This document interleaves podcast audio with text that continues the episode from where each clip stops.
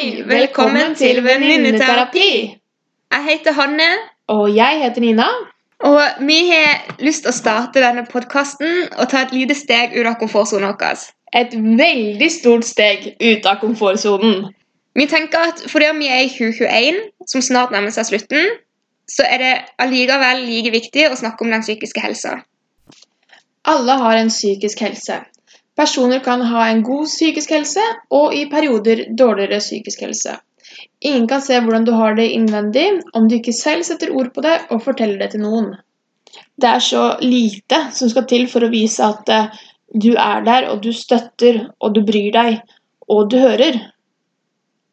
Helt enig. Veldig godt sagt, Nina.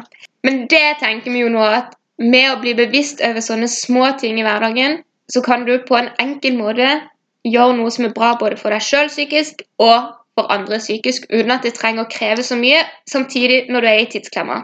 Helt klart. Og det er de små stegene som er viktig i livet og i hverdagen.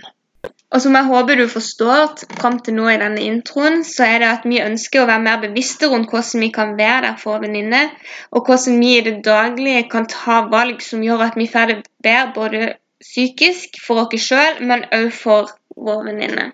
Venninneforholdet mellom meg og Hanne, som har vart gjennom tre år, har vært gjennom oppturer og nedturer.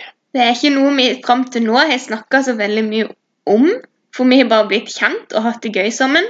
Så nå ønsker vi òg å ta dette vennskapet til et nytt nivå. Så med det sagt så lurer jeg på, Nina, hvordan vil du beskrive meg som ei venninne med bare to ord? Det er veldig vanskelig å komme på to ord bare, for jeg kunne jo helt sikkert kommet med ti ord. Men jeg ville beskrive deg som omtenksom.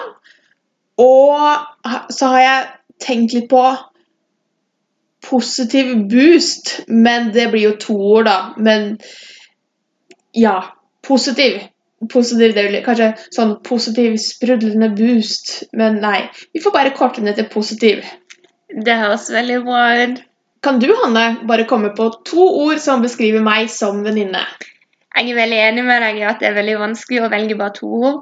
Men jeg vil si eh, tilstedeværelse, fordi at du alltid er så til stede her og nå. Og òg det med å være ærlig, fordi at jeg får av og til snap om hvordan du føler deg, uten at du forventer at jeg skal svare eller fikse ting. Bare 'Nå er jeg ærlig. Nå er jeg litt lei meg. OK, sånn er livet akkurat nå.' Og det hjelper jo meg òg med å være ærlig tilbake igjen, da.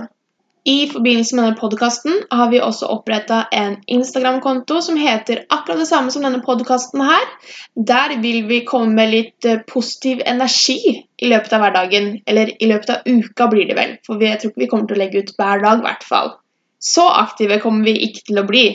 Nei, for det har vi rett og slett ikke tid til. Nei, det har vi ikke. Men vi håper at vi kan spre litt positiv energi der. Så check it out, venninneterapi. Gjør det. Avslutningsvis så vil jeg komme med to spørsmål du skal kunne tenke litt godt gjennom. Det er hvordan kan du bidra til at dine venninner får en bedre psykisk helse? Og hva ønsker du at dine venninner skal bidra med i ditt liv når det gjelder den psykiske helsa di?